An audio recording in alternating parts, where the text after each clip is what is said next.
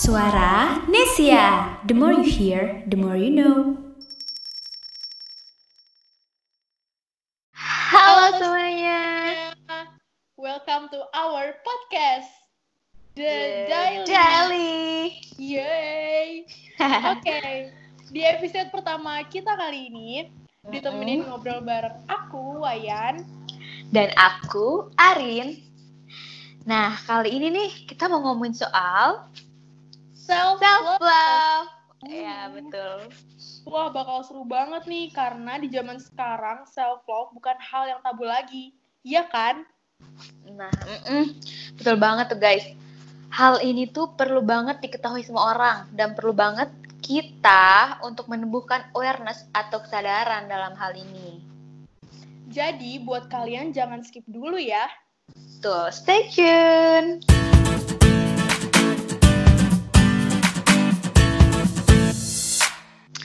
Nah, jadi yang pertama apa sih? Apa sih self love itu gitu? Oke, sekarang aku mau ngejelasin nih, apa sih self love itu?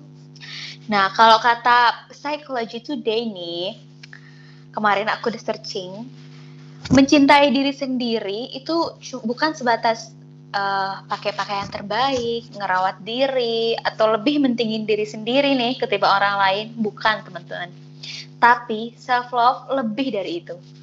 Nah, terus apa sih? Self love itu adalah mencintai diri sendiri dengan melibatkan aspek menyadari diri sendiri, menghargai diri sendiri, percaya diri, dan peduli pada diri sendiri. Nah, kalau ada salah satu aspek yang belum terlaksana ya dari hal tersebut, Yap. maka self love itu belum sepenuhnya utuh loh teman-teman. Oke. Jadi untuk kali itu self love adalah perjalanan atau bentuk proses untuk menggenapi beberapa aspek yang udah aku jelasin tadi.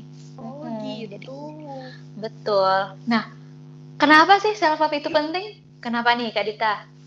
Nah, eh, menurut kami self love itu Hmm. Yang pertama tuh kita kita tahu lah ya, setiap orang itu pasti eh, belakangan tuh suka kesulitan dengan bagaimana cara mencintai dan menghargai diri sendiri setelah melihat pencapaian orang lain. Nah, Betul aku- banget. Betul banget nih. Jadi kemarin aku eh, mengutip dari lansiran Medical News Today di Mm-mm. mana eh, peduli dan sayang pada diri sendiri paling dibutuhkan orang yang mau bekerja keras, terus terus menerus eh, pantang menyerah dan terobsesi pada kesempurnaan. Nah, ke- kamu tahu nggak sih kalau misalnya kita mau eh, mencapai suatu target, itu pasti ada namanya halangan-halangan tertentu yang namanya tuh tekanan kan. Nah, tekanan ini itu yang eh, membuat kita tuh merasa terhalangi dengan eh, ap- perjalanan kita dalam mencapai suatu tujuan. Tapi Betul. itu semua bakal terlewatkan loh dengan cara kita harus eh, mengenal lebih dalam apa itu self love di diri kita sendiri. Betul. Hmm, betul banget tuh. Oke, jadi teman-teman kan kalian tadi itu udah dijelasin apa pengertian self love, terus kenapa Dan sih self love itu penting. penting? Iya betul. Jadi self love ini sangat penting ya teman-teman. Dan kali ini aku mau sebutin nih, gimana sih cara mengasah self love dalam diri kita?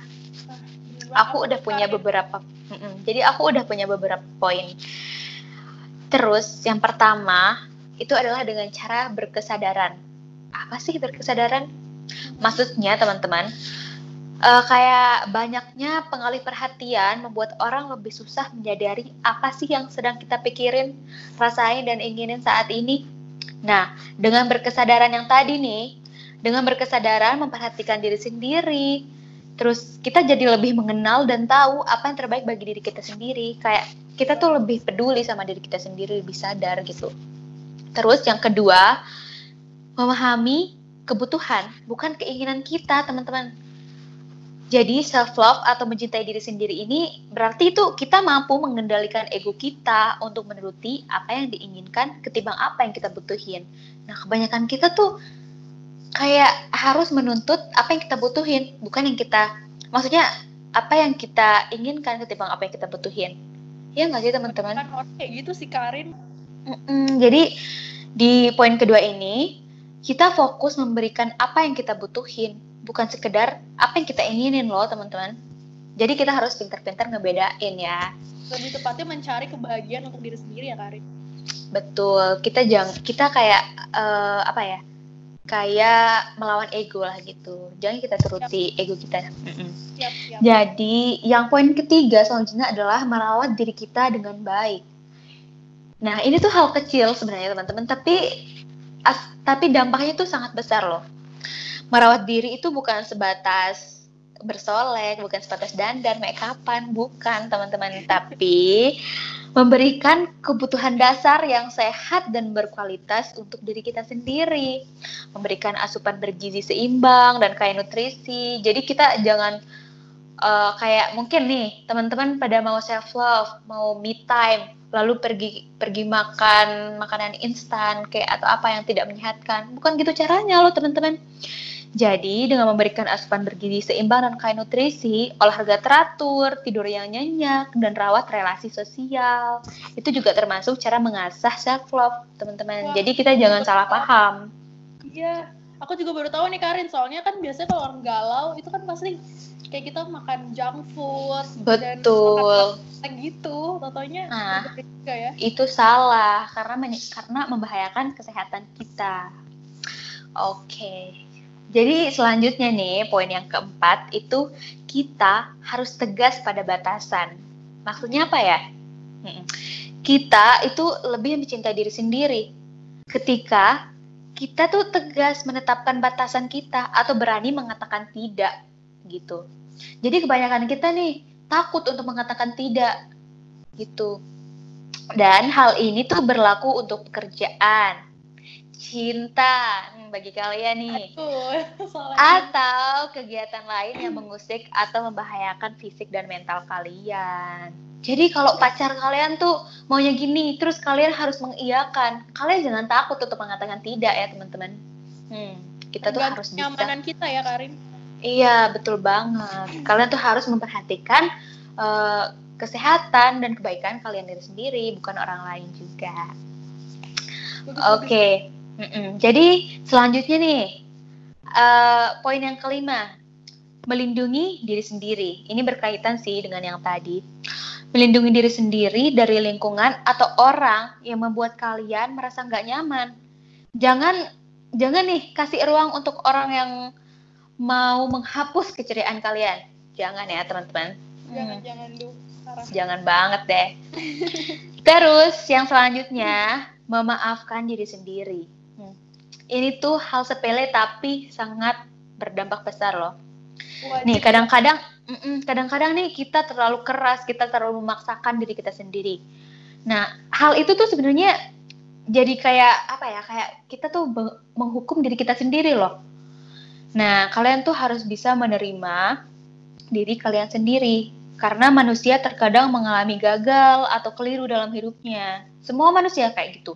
Jadi kalian nggak perlu me- memaksakan diri kalian sendiri teman-teman. Kalau kalian gagal atau apa, kalian nggak perlu merasa eh, nggak berguna, useless itu nggak, jangan ya. Nah, memaafkan diri sendiri, ka- kalian tuh justru bisa belajar dan tumbuh dari kesalahan. Kalian harus bisa nih memaafkan diri sendiri teman-teman.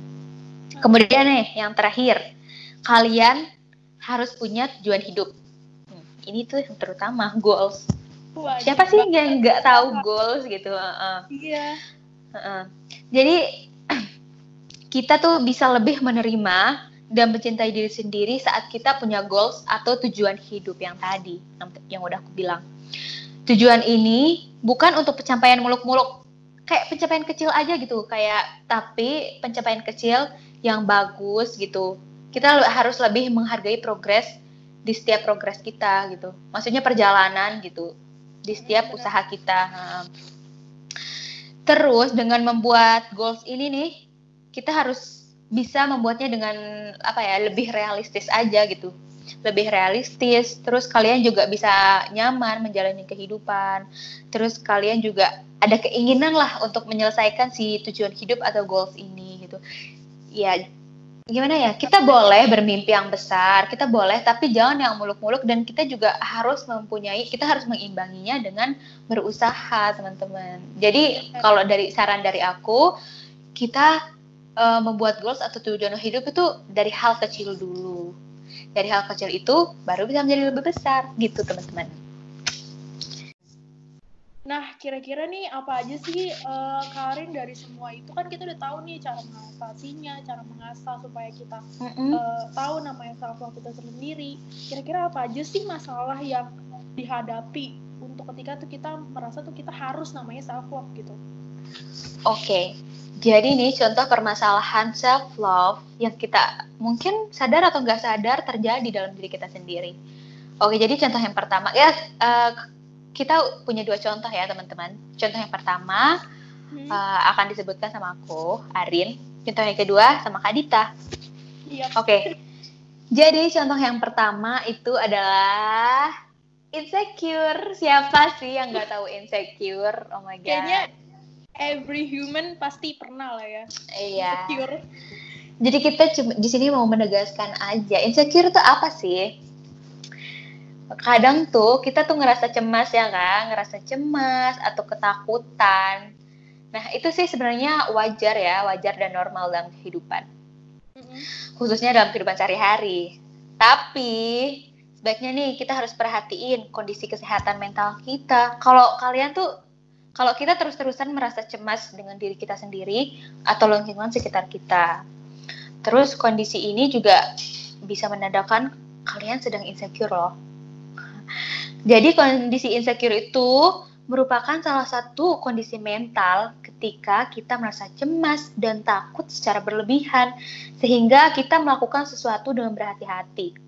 Bahkan nih, bahkan terkadang seseorang yang ngalamin insecure sering menaruh curiga pada orang lain maupun lingkungan sekitarnya. Ha, siapa nih?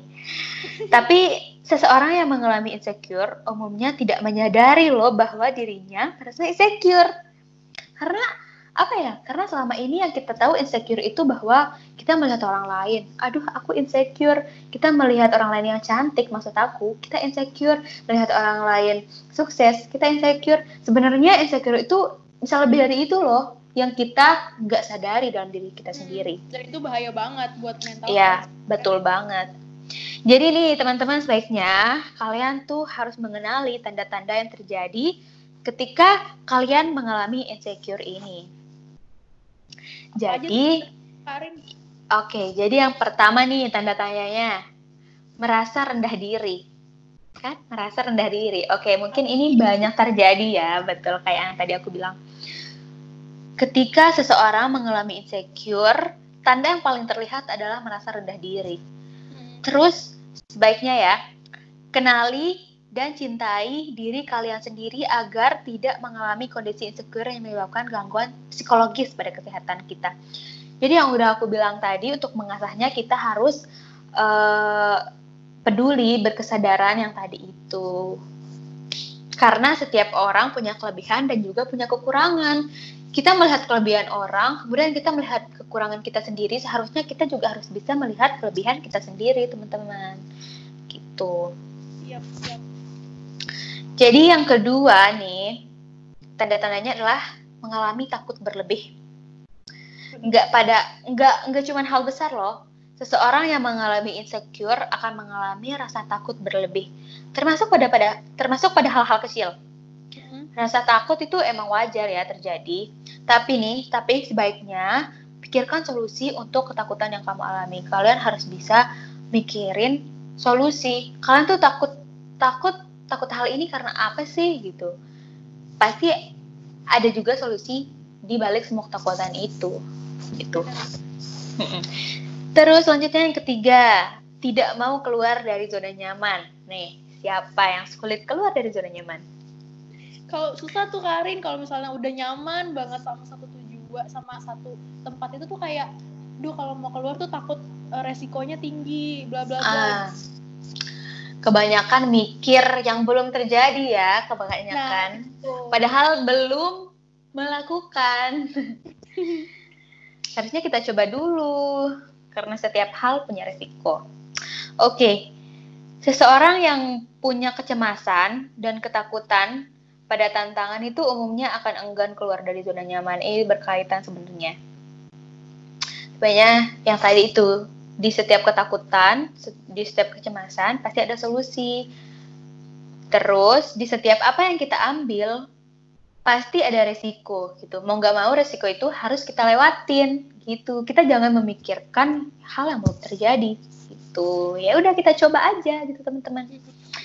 Terus yang terakhir nih, sering membandingkan diri dengan orang lain. Siapa nih yang sering lihat selebgram eh, di Instagram orang cantik lewat? Aduh, kok gue buluk dia cantik gitu siapa? Aduh. Hmm, jadi itu termasuk tanda-tanda insecure juga. Seseorang yang memiliki insecure lebih sering membandingkan dirinya sendiri dengan orang lain. Terus, seseorang dengan kondisi insecure akan lebih merasa kehidupan orang lain lebih baik dari dirinya. Padahal ya, teman-teman, kalau kita pikir, mm -mm, kalau kita pikir orang mengekspos kehidupan di sosial itu ya pasti bahagiaan aja gitu mungkin di sisi lain mereka nggak mau mengekspos kesedihan karena takut dibilang cari perhatian atau lemah atau apa ya karena semua orang mempunyai masalah hidup masing-masing teman-teman mempunyai tapi kan. betul punya ke- kekurangan dan masalah masing-masing tapi tergantung bagaimana cara mereka menyikapinya Benar. gitu Mm-mm. Nah jadi dampak insecure ini pada kesehatan mental kemarin aku lihat di good therapy tidak ada penyebab pasti ya seseorang merasa insecure terhadap diri maupun kehidupannya. Tapi ada beberapa faktor yang menyebabkan seseorang selalu merasa insecure pada dirinya. Kayak trauma, terus memiliki masalah pada penampilannya, atau alami body dysmorphic disorder. Kayak mungkin dia itu sering di body shaming sama lingkungan sekitarnya gitu. Terus kepercayaan diri yang rendah kayak gitu sih. Tapi nggak hanya itu ya, faktor ekonomi seseorang, lingkungan dan hubungan sosial bisa nyebabin seseorang mengalami rasa insecure itu. Hmm. Jika kondisi ini nggak segera diatasi, insecure sebabkan gangguan kesehatan mental loh teman-teman. Kayak depresi, terus gangguan kepribadian batas ambang, mengalami kecemasan tadi yang udah aku bilang, gangguan kecemasan, terus mengalami paranoid, wah ini serem banget sih, terus gangguan makan, dan masalah pada body image. Waduh. Jadi itu yang lebih apa ya yang sering terjadi di lingkungan kita banyak orang yang tidak sadar telah membody shaming. Terus korbannya itu depresi, terus nggak mau makan. Mereka mungkin mengiranya dengan masalah hal yang sepele gitu. Tapi ternyata dampaknya sangat besar gitu. Kemudian Nah, dari Halo. semua hal itu tuh kan kita udah tahu nih, udah banyak banget nih udah dampak negatifnya dari insecure gitu kan. nah, betul. Kira-kira tuh kan kita tuh kan ya kadang kita merasa nggak tahu nih kalau kita di insecure. Nah, terus kalau kita udah sadar kita insecure, apa sih hal yang kita lakukan gitu? Supaya kita tuh bisa jauh dari insecurity gitu loh. Oh, Oke, jadi simple aja sih. Yang aku bilang yang pertama, mungkin simple ya, tapi sulit dilakukan. Hmm. Asal kita yang tadi aku bilang berkesadaran, menumbuhkan sadaran diri. Oke, jadi yang pertama itu selalu tingkatkan rasa percaya diri. Terus, mm-mm, betul banget. Karena gimana ya teman-teman, kalian ini punya kelebihan yang luar biasa loh. Di setiap manusia itu punya kelebihan masing-masing. Terlepas dari kekurangan kalian yang kalian miliki gitu. Jadikan kekurangan itu sebagai eh, apa ya? Sebagai ya motivasi kalian untuk kayak mengasah diri kalian lebih dalam lagi gitu. Apa sih passion kalian gitu? Karena kalian itu. ya mengeksplor diri kalian sendiri gitu. Jadi tingkatkan aja rasa percaya diri kalian.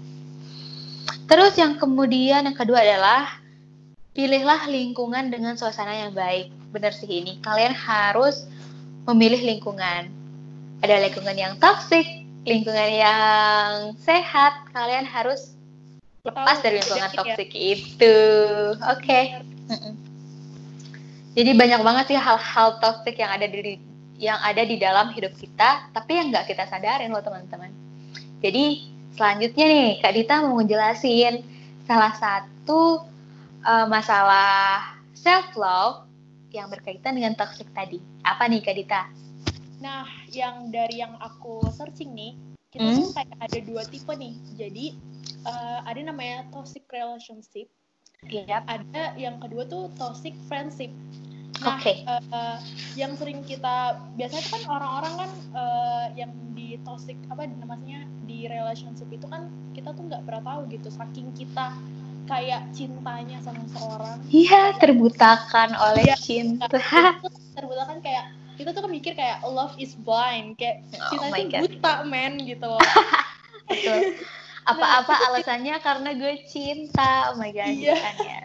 Udah jangan sampai terlalu kayak gitu ya guys ya soalnya kalau udah kita udah nyampe situ kita tuh kayak nggak sadar gitu ternyata tuh apa yang kita lakuin di dalam relationship kita itu tuh Mm-mm. ternyata tuh ada namanya tuh toxic di dalamnya gitu loh Betul. di sini eh, yang pertama tuh eh, apa sih tanda-tanda kita bisa terkena toxic relationship nah yang pertama itu adalah eh, ketika kita tuh selalu disuruh minta maaf duluan padahal Wow. salah gitu loh nah ini jadi tuh terkadang tuh Kayak lagu kayak lagu Indonesia, aku yang minta maaf walau kau yang salah. Oh my god, Baper itu nih, top. baper. Oke, lanjut Kak Dita, lanjut. Oke, jadi tuh biasanya tuh kan eh, sebelah pihak tuh kan eh, kita tuh kan bisa berdebat gitu di Mm-mm. relationship gitu kan. Nah kita tuh kayak berusaha untuk eh, menyelesaikan permasalahan ini. Tapi ada terkadang pihak eh, sebelah pihak tuh terlalu egois gitu loh. Dan dia tuh eh, dia tuh tidak mau menyelas- menyelesaikan masalah mereka mereka gitu loh. Jadi tuh mereka tuh kayak gimana ya? Kayak maunya tuh maunya tuh dia yang diprioritaskan gitu loh. Pucuk boy nih. Bukan asal pucuk boy doang. Iya, iya, iya. ada iya. yang cewek juga pasti kayak gitu. Iya, betul, betul, Ah. betul. Pucuk girl, Nah, pucuk boy, sadarlah kalian. Nah itu nih, nah itu makanya kita tuh eh, kita harus tanda, kenali tanda-tanda yang pertama yang namanya kalau disuruh minta maaf pada kita harus minta maaf duluan, padahal dia yang salah gitu. Kita harus juga sadar kalau gitu Ap- masalah siapa yang buat, maksudnya tuh eh, siapa yang salah, ayo kita eh, selesaiin bareng-bareng kayak gitu caranya. Betul, karena di hubungan nih, kalian berdua yang punya hubungan gitu. Jadi kalian harus bisa mengerti satu sama lain, bukan hanya mengerti satu belah pihak aja, bukan gitu ya teman-teman. Bener banget, bener banget. Mm. Nah, kemudian yang kedua, eh, gara-gara kela- kelakuan yang eh, pasangan kamu buat gitu. Misalnya ada suatu hal Hmm. kecil nih pasangan kamu buat suatu hal kecil. Nah, kamu Yap. tuh terkadang tuh kayak merasa kenapa sih eh, gue tuh harus ngelakuin hal itu. Jadi tuh kamu tuh kayak merasa menyalahkan diri sendiri gitu loh. Wow, aku kayak flashback nih. Aduh, Karin kayaknya ini nih baper banget nih masalah relationship. Iya biasanya nih teman-teman yang nggak nggak kita sadari, misalnya salah satu, oke m- mungkin pacar, salah satu pacar, sorry, Pasti lah. mungkin nih pacar. Pacarnya keberapa Karin? Oh my god, I don't have boyfriend guys. Oh, Oke, jadi misalnya nih, misalnya sang pacar selingkuh gitu. Tapi malah diri kita sendiri yang merasa, aduh mungkin karena itu gue buluk, gue jelek, bukan kayak Nah, gitu ya itu- teman-teman. Mm-mm. itu harus dihindari. Jadi tuh gini loh. Jangan. Artinya kalau misalnya kita eh, merasa tidak merasa sesuatu hal yang ganjal di hubungan kita gitu, Yap. kita tuh kayak nggak nggak langsung terfokuskan dengan itu salah kita gitu. Enggak, Mm-mm. kita tuh harus mengenali lebih dalam apa sih yang buat eh, dia itu seperti ini, apa sih buat hubungan kita tuh merasa merasa aneh belakangan ini. Nah, kita harus menyadari itu sendiri, bukan cuman Mm-mm. menyalahkan diri sendiri. Nah, itu bahaya. Betul sih. Kemudian yang ketiga itu eh, ketika pasangan kamu tuh selalu mengatur diri kamu tuh berlebih gitu loh. Jadi gini loh, Ini banyak banget nih terjadi.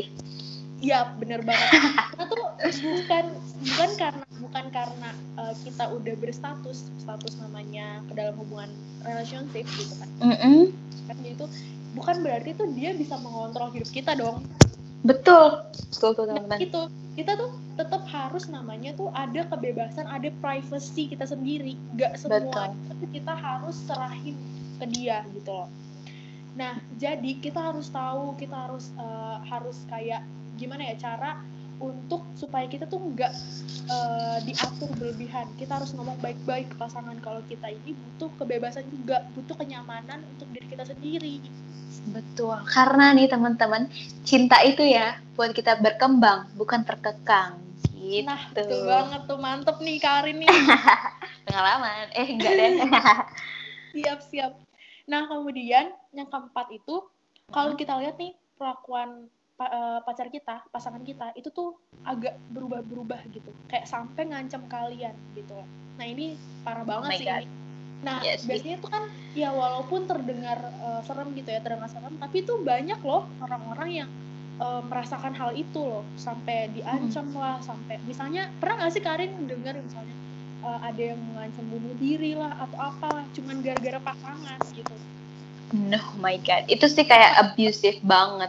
Ah parah banget ini bener-bener toxic parah soalnya kan gini loh bukan bukan karena kita cinta doang tuh kita kayak merasa nyerah kita kayak ngerasa hidup kita tuh kita tuh bisa semangat tuh cuman karena dia bukan kayak gitu caranya Bukan. gitu. Bukan cuma dia yang harus kita prioritasin ya, nah teman-teman. bener seharusnya kita prioritasin diri kita dulu untuk Betul. baik, bukan cuman orang lain gitu loh Mm-mm. Nah, yang kemudian yang kelima tuh kita tuh uh, terkadang tuh suka diselimuti rasa takut saat mau mengakhiri hubungan. Nah, ini, ini parah sih ini. Kadang-kadang diancam gitu loh, terus Iya, takut, bener. putus. Oh my God. Oke, lanjutin, Yes. Kak. Nah, jadi yang kelima ini nih Rin, uh, Mm-mm. ketika kita kayak dalam hubungan, kita tuh ngerasa diselimuti rasa takut saat kita tuh mau mengakhiri sebuah hubungan. Hmm, takut di sini dia pergi. Nah, itu bukan juga juga ya, bukan gitu juga nih. Jadi Ah, gimana? kita sudah merasa tidak nyaman dengan seseorang dan kita memutuskan untuk mengakhiri hubungan, Yap. eh, itu biasanya tuh kita kayak merasa takut gitu. Aduh, takutnya dia gimana gimana. Kadang tuh, kadang juga eh, orang apa pasangan kita tuh bisa mengancam kita. Oh nggak mau ya, Mm-mm. kalau misalnya eh, kita udahan, aku bakal bunuh diri, aku bakal aku bakal gini gini gini. aku Menyakiti diriku sendiri. Iya bener. Nah itu yang buat buat kita misalnya ya terutama cewek lah ya terutama terutama perempuan itu tuh kan merasa ada lah ada sedikit perasaan ibanya gitu kan terhadap. Jadi Iya, kita takut untuk menghubungi eh ma- eh, ma- apa namanya mengakhiri. bener banget. Betul. Tapi kita udah terlanjur gak nyaman. Nah gimana caranya tuh itu itu kita udah termasuk dalam ke toxic relationship sih itu. Iya, jadi hal-hal kecil yang tadi mungkin hal kecil tapi kalian harus sadarin ya teman-teman hal tersebut. bener nah dalam dalam hal itu tuh eh, kita kan tahu nih banyak banget sekarang udah apa namanya ciri-ciri tentang to- toxic relationship nah Mm-mm. sekarang kita akan ngasih tahu nih aku terutama eh, ngasih tahu tuh cara memperbaiki hubungan toxic Nah, kalian harus perhatikan baik-baik nih teman-teman. Nah, benar banget. Jadi eh, tergantung nih dari beberapa beberapa hal yang rasa sakit yang ditimbulkan gitu kan, ada kemungkinan bahwa hubungan tersebut tuh tidak dapat diperbaiki gitu loh. Mm-mm. Tapi tapi satu-satunya kesempatan untuk memperbaiki apa yang rusak dalam hubungan itu jika kita tuh eh, jika kita dan pasangan bersedia menghadapi fakta, mengakui kesalahan Fakta. dan mau mengubah perilaku. Betul sih. Karena kita nggak bisa mengubah perilaku seseorang kalau nggak ada kesadaran dalam diri kita gitu. Bener banget, Rin. Jadi itu kan eh, ya namanya di hubungan relationship kan pasti kita mau dong pasangan kita dan kita juga akan berkembang menjadi lebih baik lagi sifatnya, pribadinya. Betul. Eh, dan itu tuh pasti kita semua kita asah dalam kedew- pendewasaan gitu loh. Mm-mm. Nah, di sini yang aku kasih tahu nih, yang pertama tahap pertama itu adalah ungkapkan dengan jujur. Yap. Penting banget namanya kejujuran. dalam- Kejujuran ya teman-teman. Karena sekecil apa pun kebohongan, dikemas dengan baik pun nggak bisa akan berubah jadi baik teman-teman. bener banget nih bener banget nih jadi ketika kita uh, mau berbuat jujur itu kan pasti kan ya kita udah capek lah ya memendam kesalahan-kesalahan yang ada atau permasalahan dalam hubungan itu supaya kita tuh kayak menghindari sedikit lah namanya uh, uh, apa namanya berantem gitu kan sama Mm-mm. tapi uh, dalam beberapa waktu tuh kita harus penting banget namanya ada di saat kita tuh jujur sama pasangan kita kita mengeluh kesah tentang hal-hal yang menurut kita nggak nyaman sama pasangan kita Iya. nah biasanya tuh langkah ini cara untuk memperba- memperbaiki hubungan yang tidak sehat dalam de- uh, ini tuh dengan cara tuh berada di jalur yang sama dengan pasangan. Nah, kamu dan pasangan kamu itu harus berusaha sebaik mungkin untuk memperbaiki apa yang rusak untuk kemudian melangkah maju menjadi uh, suatu hubungan yang kayak produktif gitu sama-sama support gitu. Betul betul. Sama-sama nah, saling mengerti. Yap betul banget nih Arin. Jadi uh, dengan cara memberi kesempatan agar pasangan tuh bisa mengungkapkan semua hal yang ia rasakan selama menjalani hubungan baik itu positif maupun negatif Nah, jadi tuh jangan menyela ketika tuh pasangan sedang bicara, contohnya ya. Terus mm -hmm. habis itu uh, kemudian tuh coba coba untuk membuat pasangan kamu merasa aman dan didengar uh, didengarkan tuh saat sedang bicara gitu kan. Baik-baik. Jadi tuh nggak usah mengatakan membicarakan gitu kan. Dia nyaman lah pokoknya. Mm -hmm. nah, terus uh, kemudian tuh berusaha untuk jujur lagi gitu. Uh, apa namanya lebih frontal lah masalah kalian berdua dengan baik dengan kepala dingin gitu Yap. Nah kemudian yang kedua itu ada ada namanya tuh uh, terapi. Ini sebenarnya okay. sih uh, cukup cukup ini ya cukup terdengar kayak uh, serius. Ya, nah, serius oh. gitu. Ya. Jadinya tuh kayak rasa susah jarang maksudnya jarang orang yang uh, dalam relationship itu melakukan terapi. Jadi tuh uh, ini tapi padahal sangat penting ya teman-teman. Hmm, perlu banget perlu banget. Jadi kan kita tahu namanya relationship itu nggak selamanya tentang keuuan gitu loh kayak ya betul betul. kayak romantic romantic itu kan nggak selamanya kayak gitu. Nggak selamanya. kan, uh, tahu namanya uh, hal apa dalam waktunya kalau kita berantem atau apa itu kan pasti duh kalau misalnya udah berantem dalam relationship itu tuh kita tuh sampai mikir gimana gitu kayak sakit mm -hmm. gitu ya iya betul betul nah di di tahap kedua ini yang namanya terapi itu kita penting kayak lebih menenangkan diri kita jadi tuh kayak ini sih sebenarnya kayak tahap pendewasaan ya menurutku mm -hmm. ya karena tuh yeah. relationship itu tuh kita nggak nggak harus namanya kita harus kayak adu mulut kayak adu argumen kepada pasangan kita gitu gak harus kita harus kayak lebih menenangkan diri kita sendiri lebih uh, apa ya pokoknya tuh lebih jalan tenang lah gitu lebih kadang tuh kita harus memilih mm -hmm. uh, waktu untuk tenang gitu sama pasangan kita jadi tuh nggak harus kita harus berantem berantem kayak adu kayak argumen argumen gitu kita nggak perlu gitu loh ya yep. betul banget tuh teman-teman mm -mm. karena tuh uh, karena dengan itu itu kan dibantu ketika kamu dan pasangan kamu untuk berbicara jujur dengan baik gitu uh, apa namanya uh, penenangan ini juga dapat membantu mengidentifikasikan perilaku kasar yang pernah uh, dari uh, satu apa kedua pihak melakukan gitu hmm, betul. membuat kamu dan jangan sampai membuat kamu dan pasangan kamu itu berpisah gitu loh. Mm -hmm.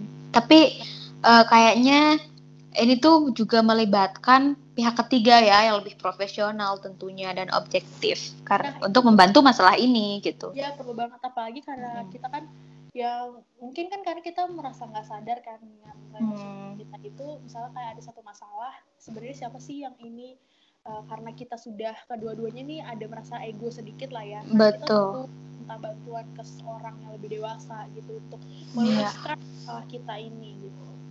Betul yang lebih mengerti ya, yang lebih paham. Betul banget.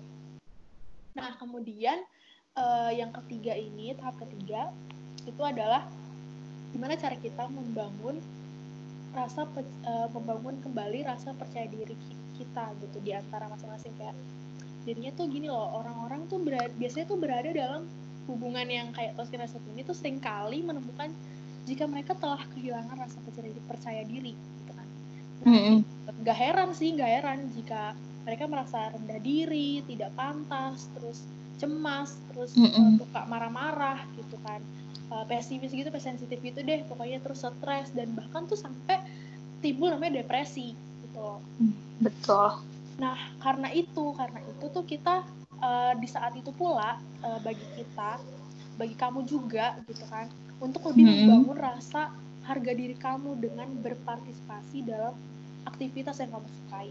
Kayak hobi ya. Bener-bener banget. Terus juga memperluas lingkaran sosial dan melakukan perawatan diri yang tadi kamu sebutin nih. Iya, me time gitu. Betul betul. Terus jadi tuh eh, ketika eh, pasangan kamu mencoba membatasi kamu untuk melakukan hal-hal itu jadi jangan diragukan lagi kalau kamu itu udah termasuk masuk dalam toxic relationship dan jadi kamu tuh bisa aja lah mengakhiri hubungan soalnya tuh kamu kan merasa nggak nyaman dan merasa kamu dirugikan di sana gitu. Iya, betul. Daripada kita selalu merasa terkekang, tidak berkembang, wah lebih baik diakhiri aja ya teman-teman gitu. Mungkin itu juga jalan, itu juga petunjuk kalau dia itu bukan jodoh kamu gitu. Bener pasti ada pasti ada seseorang yang lebih baik akan datang kayak gitu anyone can be better gitu kan Betul, betul. Hmm. Jadi jangan takutlah untuk lepas gitu kayak Bener aku. banget. Eh, Eh, dalam semua hal itu tuh kalau misalnya kita udah terlanjur eh, masuk ke dalam toxic relationship jadi tuh kita jangan menolak bantuan dari orang lain pokoknya. Biasanya kan hmm, eh, sahabat itu tuh paling peka nih kalau kita tuh eh, misalnya sa- eh, sahabat lainnya tuh eh, sedang eh, kayak galau kayak merasa dia terdapat toxic relationship itu biasanya sahabatnya peka. Jadi tuh dia tuh kalau misalnya orang yang lagi di toxic relationship itu tuh nggak mau eh, cerita gitu loh ke orang. Karena tuh dia merasa eh, dia takut untuk cerita gitu kan. Nah itu yang Iya. salah. Seharusnya kita harus lebih cerita gitu kan. Lebih eh, menerima tawaran orang orang lain yang di sekitar kita. Kalau siapa tahu dia bisa bantu kita kasih Betul. solusi. Biasanya tuh betul. kita eh, apa cerita ke orang-orang yang kita percayai. Misalnya sahabat kayak terus orang tua dan orang-orang lain gitu kan nah terus kalau misalnya udah kayak gitu tuh mendingan segera lakuin deh maksudnya kalau misalnya udah merasa nggak nyaman udah langsung cerita gitu cerita ke orang jangan dipendam nanti kalau udah dipendam depresi jatuhnya bahaya Betul. Aku juga pernah baca salah satu buku nih, eh, baca kutipan dalam salah satu buku. Eh, kalau salah satu cara nih biar kita lega atau feel relief itu dengan cara berbicara kepada orang yang kita percayai gitu. Jadi kita ja- jangan takut untuk bercerita gitu. Jangan kita memendam diri di dalam diri sen- sendiri aja gitu teman-teman. bener banget nih Karin nah kemudian eh, dari toxic relationship itu nah sekarang kita masuk nih dalam toxic friend friendship nah Iya, pasti tuh eh, semua orang kan namanya pasti wajib mempunyai seseorang yang kita percaya dalam hidup kita gitu kan nah Mm-mm. tapi pernah nggak sih kalian merasa jika teman yang kita percaya itu ternyata toxic menurut kita kayak merasa kayak dia eh, negatif buat kita gitu loh betul. nah Kayak nurut-nurut aja gitu. bener banget bener banget gitu jadi tuh kayak dalam berteman kita juga harus punya strategi jangan asal pilih pokoknya tuh kita harus teman tuh yang baik-baik gitu. alih-alih mendapatkan teman seperti Yang membantu kita berkembang.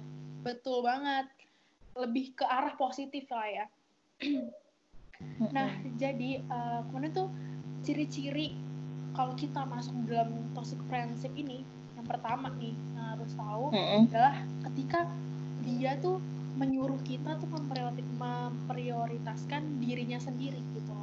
Jadi kayak gimana Wow. ya? Kita kayak berteman gitu.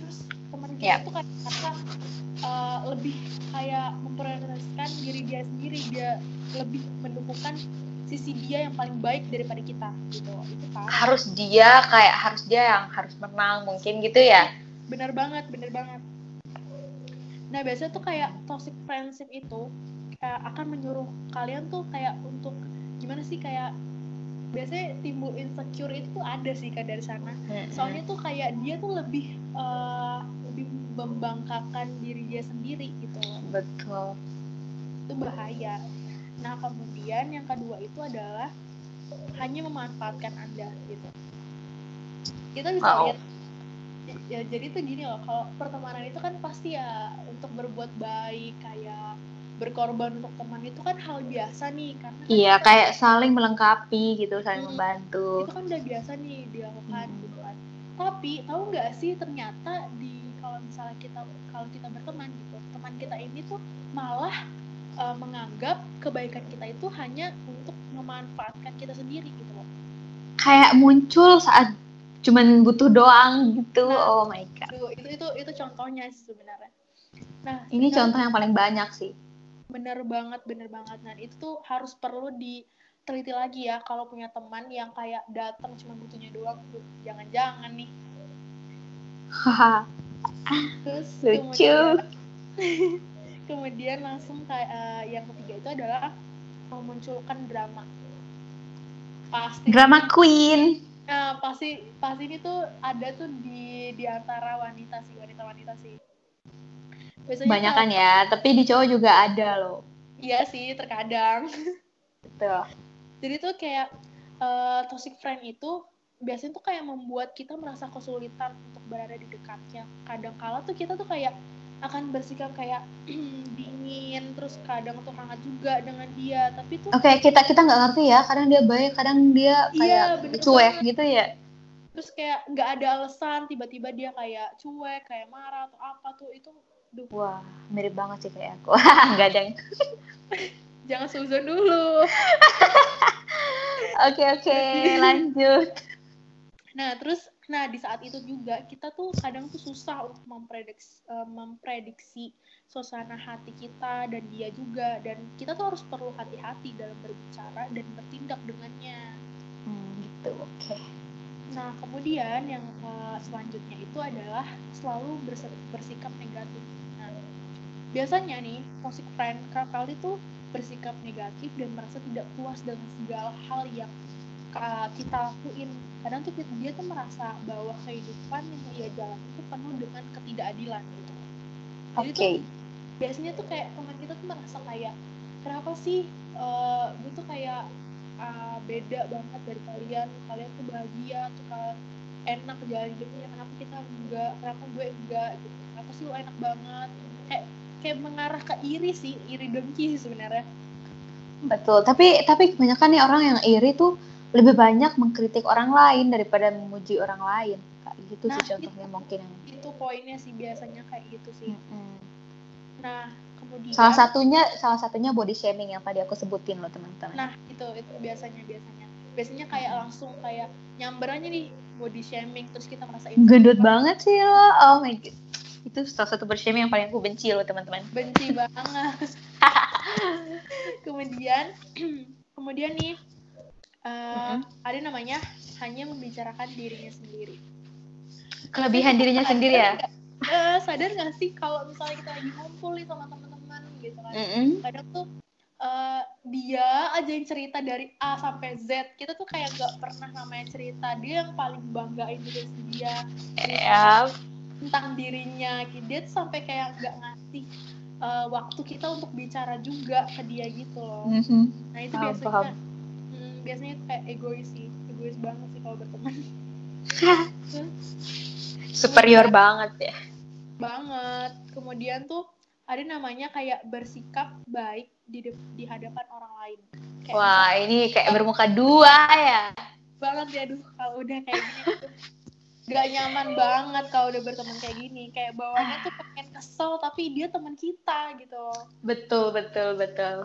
Nah, biasanya nih ya, toxic friend ini biasanya memberikan perlakuan yang berbeda di antara kita dan teman lainnya gitu. Dia kan akan membicarakan atau hanya bersikap baik dengan kita saat bersama kita gitu. Kalau bersikap eh, bersikap baik kepada teman-temannya, oke gitu. Kadang dia juga kayak ngegibah gitu loh. Kadang kalau misalnya Ah. dia kita, dia ngegibah temennya. Kalau dia sama temennya, dia ngegibah kita. Aduh, parah sih. Ya, misalnya ketemu si A, ngomongin si B. Misalnya ketemu si B, ngomongin si A. Kayak gitu. Itu teman-teman. aja. Betul. Terus abis itu yang ke selanjutnya itu adalah anda tuh eh, misalnya kita tuh selalu harus menjangkau gitu. kayak misalnya Kayak gimana nih? kayak pernah nggak sih ngerasain kayak misalnya eh, kita tuh ini nggak sih kita tuh harus selalu berbicara nggak sih kita tuh harus selalu me- apa namanya memulai suatu apa namanya suatu statement nggak sih ke teman kita gitu kan atau ada tuh juga kita tuh ngerasa eh, kalau kita nggak duluan kabarin dia nggak bakal ngabarin kita gitu loh Wah, kayak toxic doi nih. Jadi harus kita yang tanyain kabar dia. Duh, itu parah sih. Nah, kemudian tuh eh, ada namanya memanipulasi dan mengkritik kita.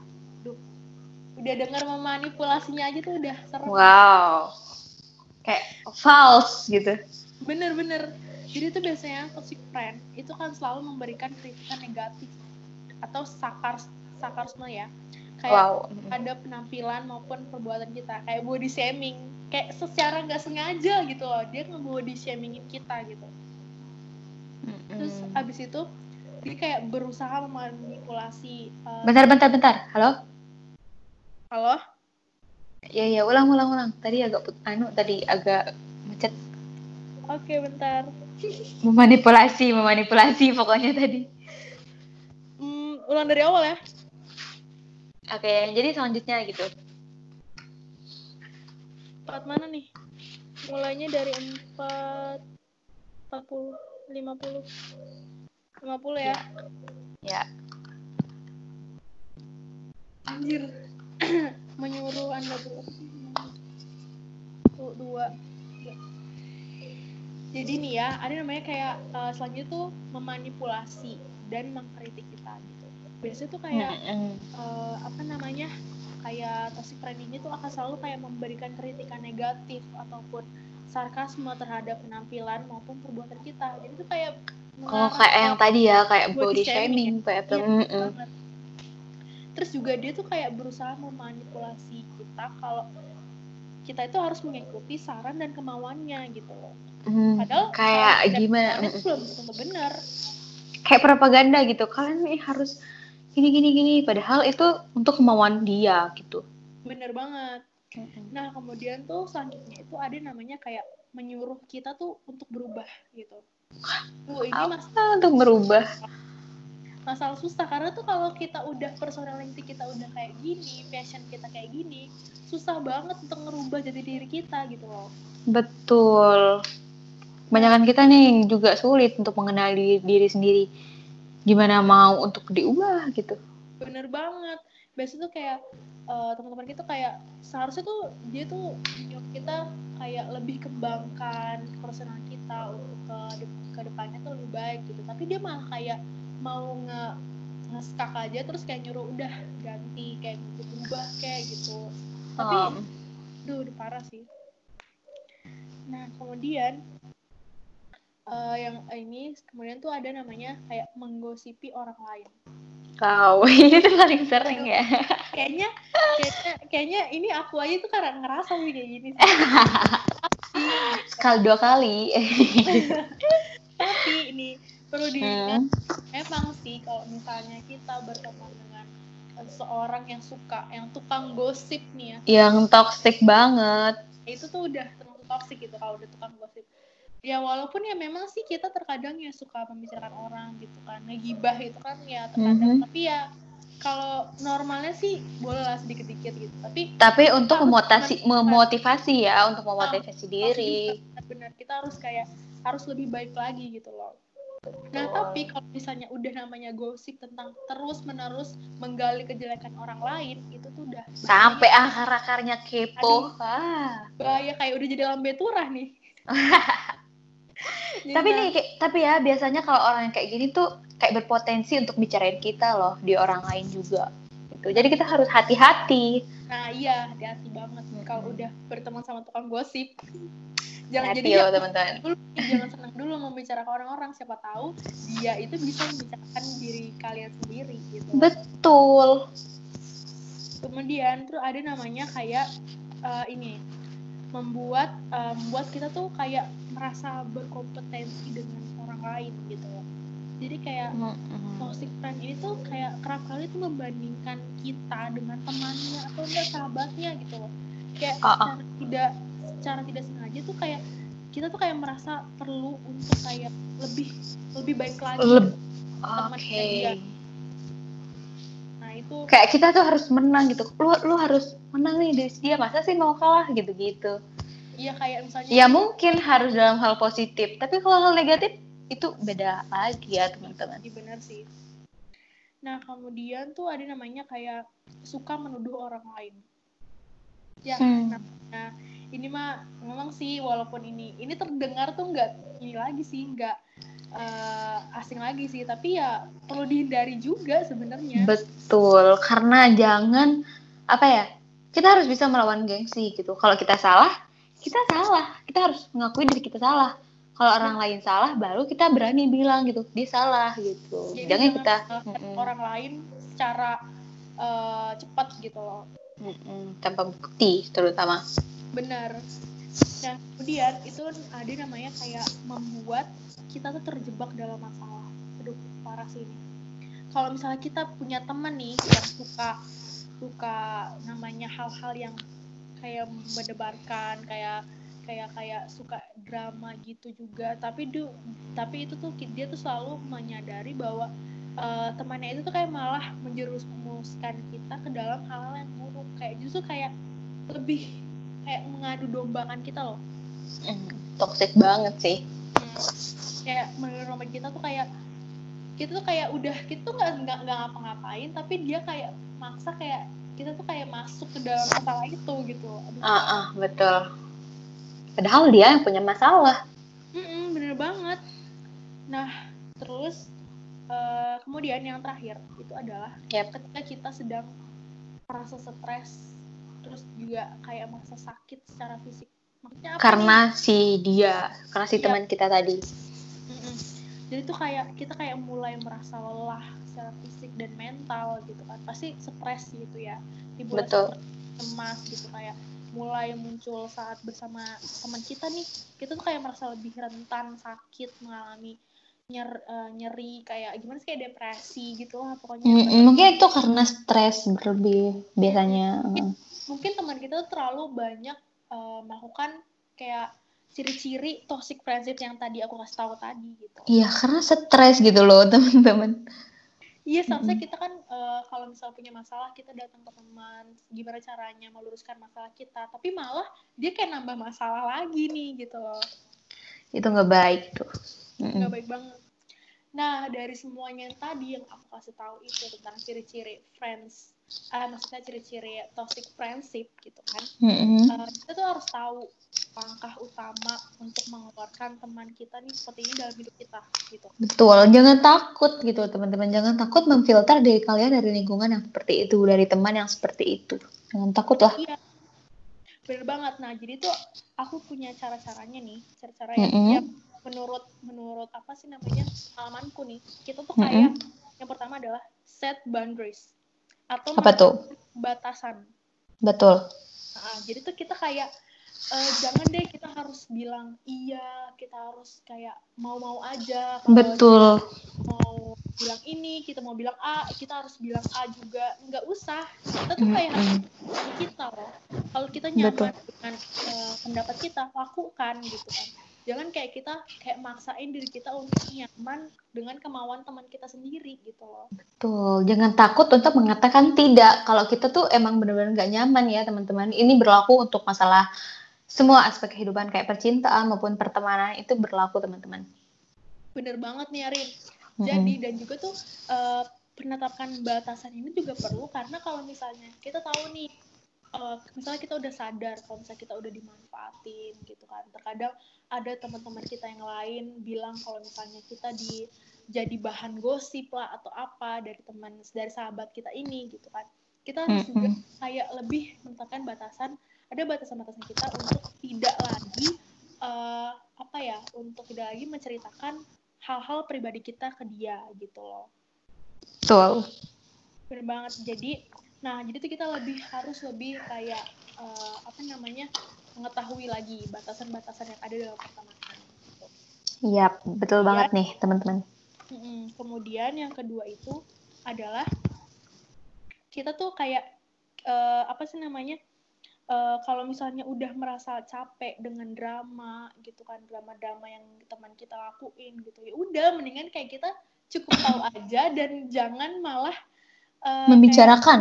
kayak, eh, eh, membicarakan kayak lebih memperbanyak masalah lagi nih dengan teman kita gitu loh Betul. kita kayak jadi kalau udah tahu namanya dia drama queen gitu loh kita ya mendingan Mhm. keep a distance aja gitu kita, kita Iya betul, jaga jarak gitu. Mem- kalian harus bisa memfilter diri kalian sendiri yang udah aku bilang tadi.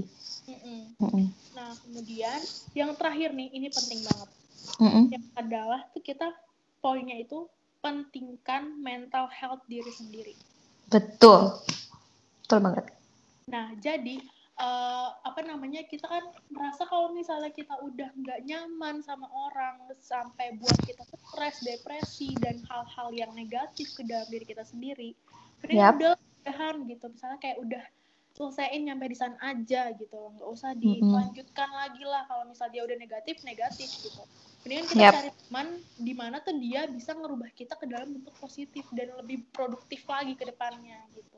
Betul, teman-teman. Kalau ibaratnya ya, kalau kita berteman dengan orang yang jual parfum, maka kita juga akan ikut eh, harum parfum tersebut. Kalau kita berteman dengan orang yang apa ya istilahnya, orang yang mungkin agak sedikit jelek ya, kayak orang yang pencuri, mungkin tidak secara langsung juga akan ikut. Tapi tergantung gimana cara kita untuk memfilter diri kita sendiri gitu. Aku juga mau menjelasin nih. Aku coba menambahi maksudku kita juga harus bisa bersosialisasi atau beraktivitas dengan teman yang membawa dampak positif untuk hidup kita gitu kayak gimana ya kayak kita tuh menangani stres atau enggak permasalahan yang ada di hidup ini gitu Hmm. Dengan berbicara dengan teman yang lainnya gitu.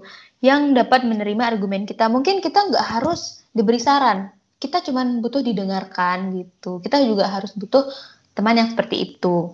Terus yang kemudian ini eh, meditasi. Mungkin jarang nih teman-teman melakukan meditasi tapi menurut pengalamanku sendiri ya aku kalau stres terlalu mikir banyak aku sering meditasi loh C- mungkin cuma beberapa menit ya 5 menit atau 10 menit meditasi itu udah buat tenang hati aku banget gitu Lebih ini pengalaman sih ya. Iya, kayak menenangkan pikiran kita dari setiap eh, pikiran berlebihan kita itu overthinking itu. Terus kemudian mungkin yoga. Kalau aku yoga jarang sih gitu karena agar agak mager gitu.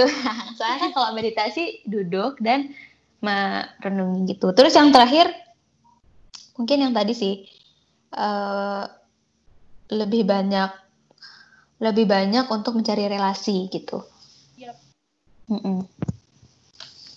Nah, sampai sini aja nih eh, yang kita kasih tahu tentang namanya Masalah-masalah. ya masalah-masalah tentang self love. Nah, jadi kesimpulannya itu, ayo Karin dulu yang pertama deh. Kesimpulannya apa nih dari semuanya? Oke, jadi kita udah ngomong panjang lebar nih mengenai self love tadi, mulai dari pengertiannya, cara mencegahnya atau cara mengasah, terus kita juga tadi udah Masalah- menjabarkan, iya betul, masalah terus cara mengatasinya.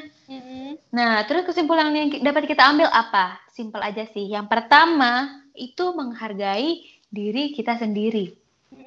Yaudah ya kayak yang paling utama dan terutama itu menghargai diri sendiri teman-teman. Karena apa? Karena sejauh ini eh, perjalanan sampai perjalanan hidup kalian sejauh ini tuh diri kalian sendiri tuh wah luar biasa banget sih membawa kalian ke sana kemari. Terus ber- eh, kalian paksa berpikir untuk apa? Aduh, intinya arah yang lebih baik lagi gitu. Betul, diri kalian sendiri ini sangat berjasa. Gimana ya aku menjelasinya? Aku, wah, kalau aku ya mengidolakan diri aku sendiri. Betul. Karena diri sendiri tuh lebih penting daripada orang lain gitu. Betul, karena apa ya, teman-teman?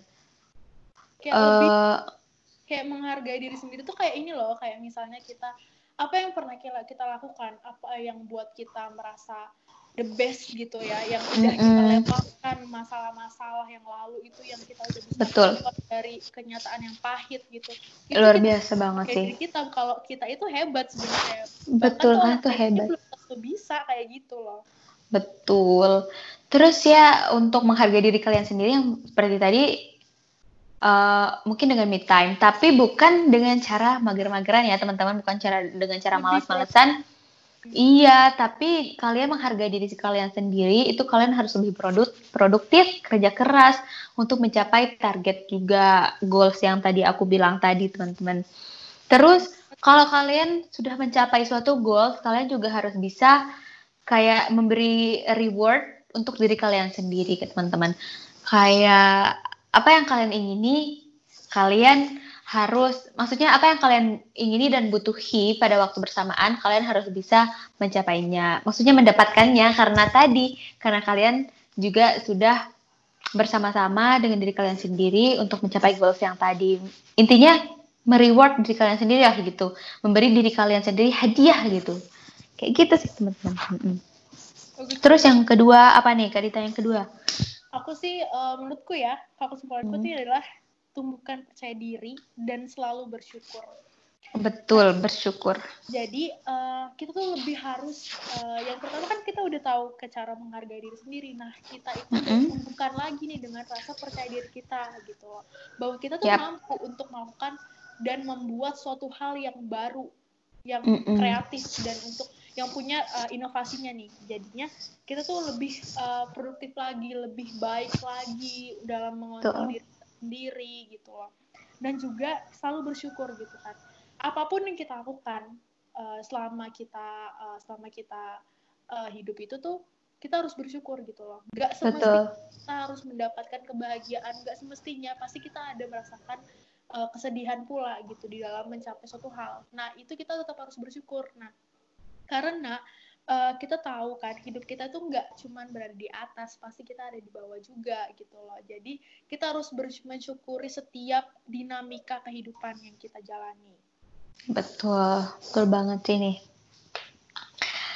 Oke, gak terasa nih kita udah ngobrol panjang lebar panjang lebar. Semoga kalian Bener eh, memahami ya apa yang kita sampaikan Semoga tadi. bermanfaat bagi kalian. Amin. Dan jangan lupa mengimplementasikan pada kehidupan sehari-hari. Pelan-pelan aja dulu gitu. Mulai dari hal Betul. kecil. Yang pertama, Mm-mm. yang yang cu- apa ya paling penting itu adalah bangga terhadap diri kalian sendiri. Betul, kalian harus menjadi menjadikan diri kalian sendiri sebagai idola kalian gitu, teman-teman. Gimana sih? Kayak gitu. Mm-mm. Mm-mm, kayak gitulah ibaratnya.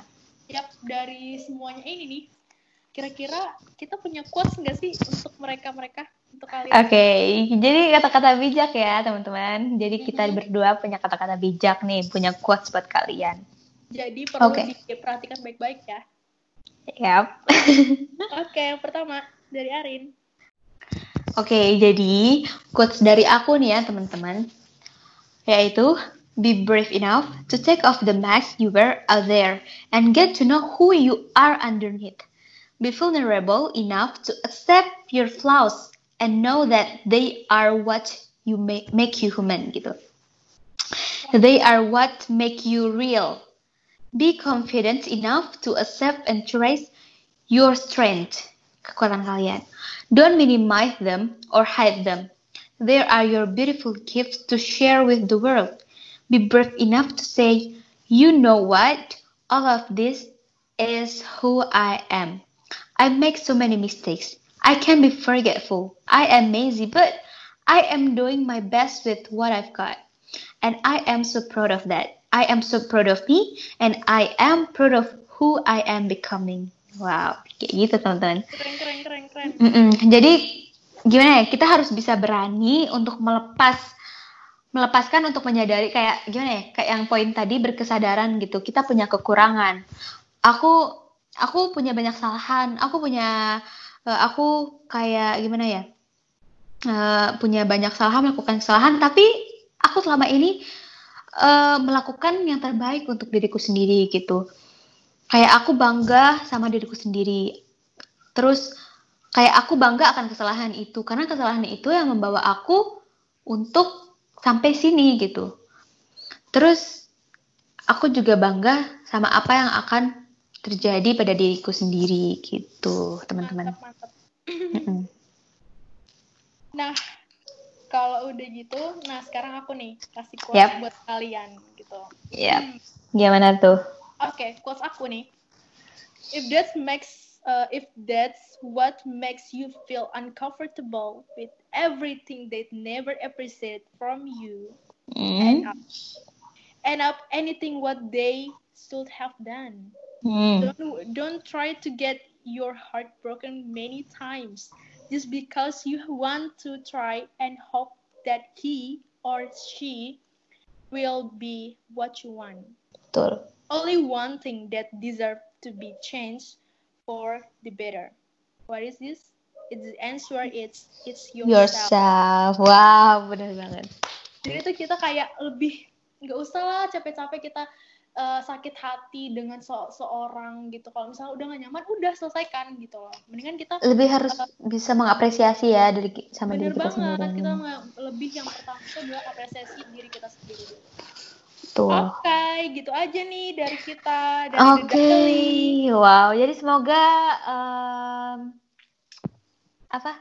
bermanfaat Oke, bermanfaat jadi semoga bermanfaat ya apa yang kita sampaikan. Oke, Mm-mm. cukup di sini aja podcast kita kali ini dan Oke. nantikan podcast kita eh, minggu depan, minggu depannya lagi. Bulan depan. Oh, bulan depan. Sorry.